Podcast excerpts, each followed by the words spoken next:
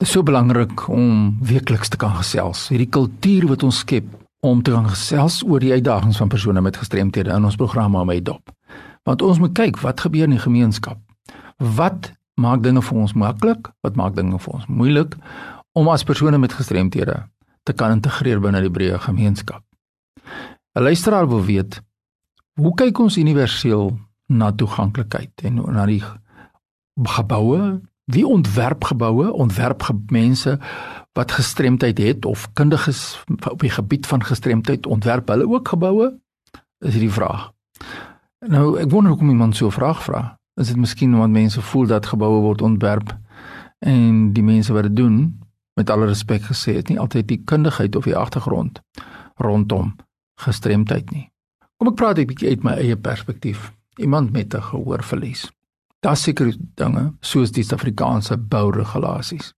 En dan daar's 'n deelte deel S van die Suid-Afrikaanse bouregulasies, dit is gepubliseer in die Staatskoerant jare gelede en daardie bouregulasies spreek sekere aspekte rondom toeganklikheid, die ontwerp en universele toeganklikheid van geboue en hoe moet toeganklikheid gesien word binne die breë gemeenskap. Dit spreek dit aan. Maar ongelukkig, toe daardie bouregulasie nog gestel is en geskep is en mense om 'n tafel gaan sit het, was nie alle gestremdhede deel van daardie gesprekvoering nie. Onthou ek het al baie genoem en ek herhaal dit net weer, daar's mense met 'n sensoriese gestremdheid, daar's mense met 'n intellektuele gestremdheid, daar's mense met 'n psigososiale gestremdheid, daar's mense met 'n neurologiese gestremdheid. Nou kom ons kyk 'n bietjie na sensories. As 'n mens nou in eie geval kan vat, sensories.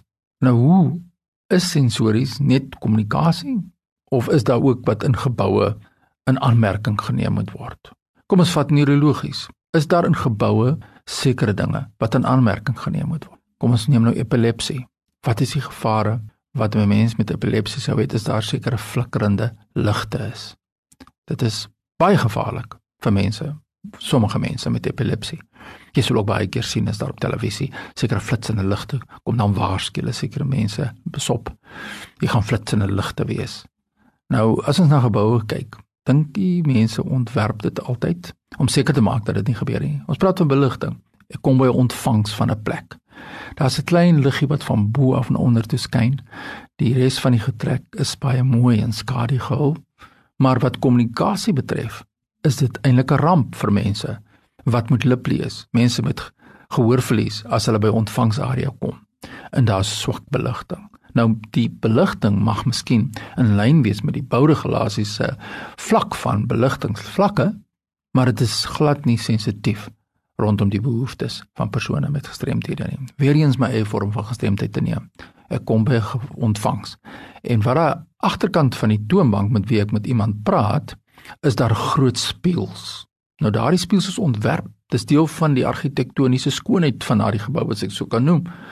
Maar wat mense vergeet is in daardie spieël weer kaats erge erge sterk lig van buite. So jy kom daarin en jy probeer iemand kommunikeer by daardie ontvangs en alles wat in jou gesig weer kaats word is daardie lig wat van buitekant af kom of binnebeligting wat in jou gesig weer kaats. So wat gebeur as jy met hierdie persoon voor jou mee kommunikeer by die ontvangs?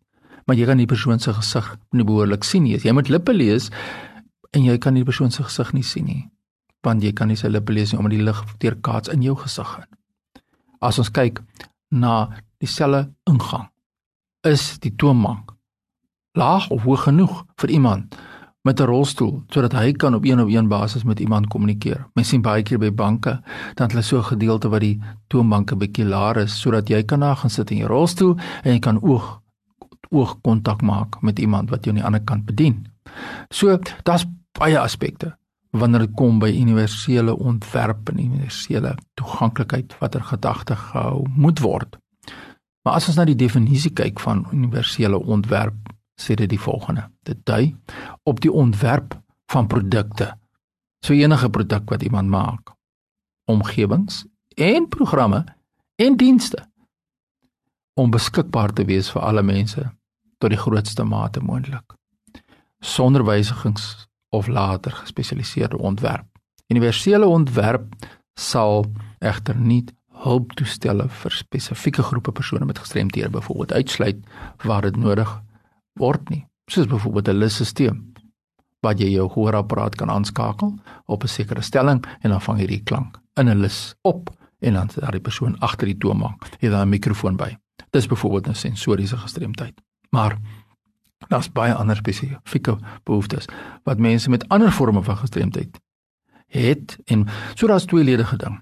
Die mense met 'n spesifieke gestremdheid moet ook na vore kom.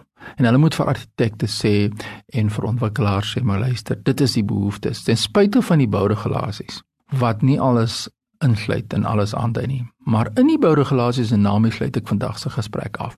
Ons kan nie net die bouregulasies skuld gee en sê maar die bouregulasies is onvoldoende nie. Want as jy na die bouregulasies gaan en jy gaan na afdelinge aanhangsel B, dan staan daar aanhangsel uit die wet en dan gaan die Engelse wetgewing sê Promotion of Equality and Prevention of Unfair Discrimination Act. Dis die voorkoming van diskriminasie wetgewing. En ons noem hom die PEPUDA. PEPUDA is wetgewing P E D U D A PEPUDA soos ek kom sê van 2000. Dis ook die gelykheidswet. En hy sê as enige persoon op enige vorm van sy gestremdheid weerhou word om op 'n gelyke basis te kan mening of gediskrimineer word teen so 'n persoon, dan kan hy hierdie wetgewing gebruik om iemand byvoorbeeld na die gelykheidshof te neem. So met ander woorde, wat ek net probeer sê is, ons kan nie na sê my bouregulasies en dien meer is nie voldoende nog nie. Dis nog nie opgradeer nie. Maar nou daarom kan ons nou maar diskrimineer teen mense met gestremthede nie. Ons moet kyk wat kan ons doen in die ontwerp van geboue om hierdie rolstoel oprit benadering wat daar gevolg is destyds in die bouregulasies. Jy kan maar maar gaan lees. Hy is omtrent net toeganklik uit wat hy aanspreek en dit gaan toeganklikheid van mense in rolstoele en dis meer. Dit is nie die ander forme van gestremdheid wat opgeneem is in die bouregulasies nie. So ons hoop in 'n jaar of twee is die bouregulasies opgradeer